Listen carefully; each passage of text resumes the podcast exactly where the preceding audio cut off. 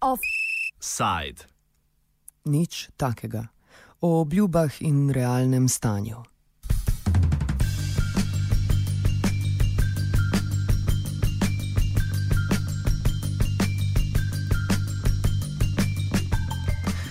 Glede predvolilne kampanje za predčasne državno-zborske volitve bi v športnem žargonu lahko dejali, da se bližamo izločilnim bojem. Na vse zadnje bo danes prva polfinalna tekma svetovnega nogometnega prvenstva ali končnici, zadnji etapi. Glede na to, da vse stranke brez izjem obljubljajo oziroma imajo v svojih programih pod ključne točke zagon industrij, kot sta lesno predelovalna in živilsko predelovalna, smo poklicali predstavnike sindikatov, ki zastopajo zaposlene omenjenih panog. Kot po tekočem traku se v programih opeva tudi večja samooskrba. Vse našteto je bilo v primerjavi z današnjimi razmerami nekdaj v Sloveniji že na zavidljivem nivoju.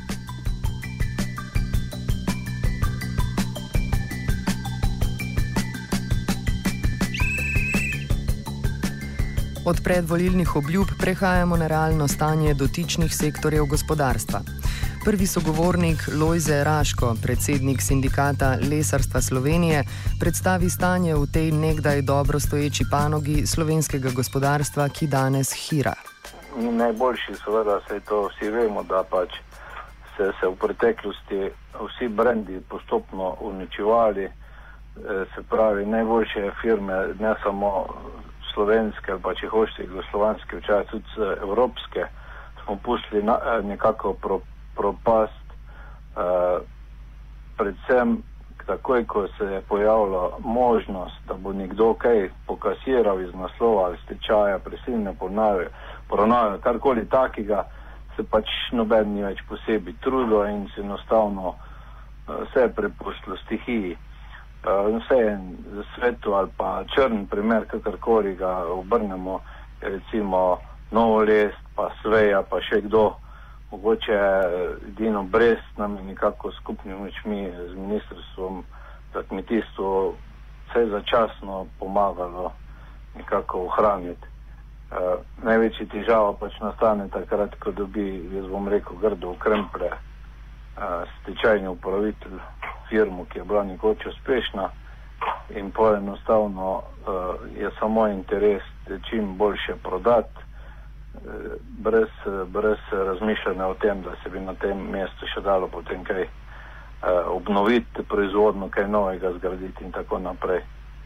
To, to je eden največjih problemov, je pa, je pa res, da vsi ti naši uh, delodajalci v smislu lesno predelovalne industrije pač pravi, da marsikaj znamo narediti, ne znamo pa pol prodati. Eh, ne vem, zakaj je to tak problem.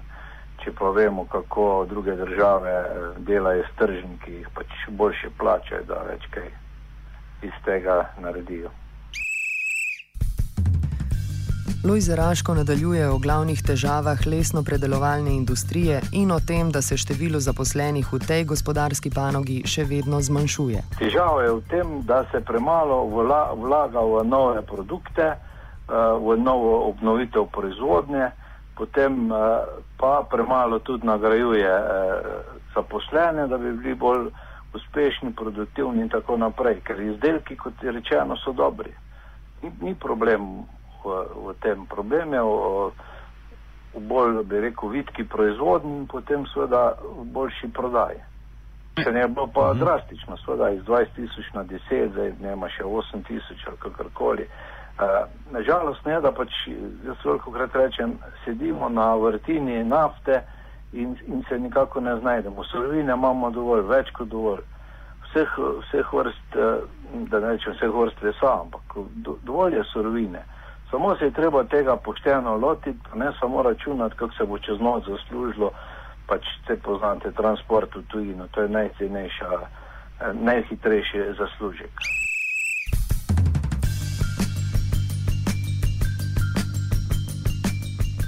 Selimo se k naslednjemu sogovorniku.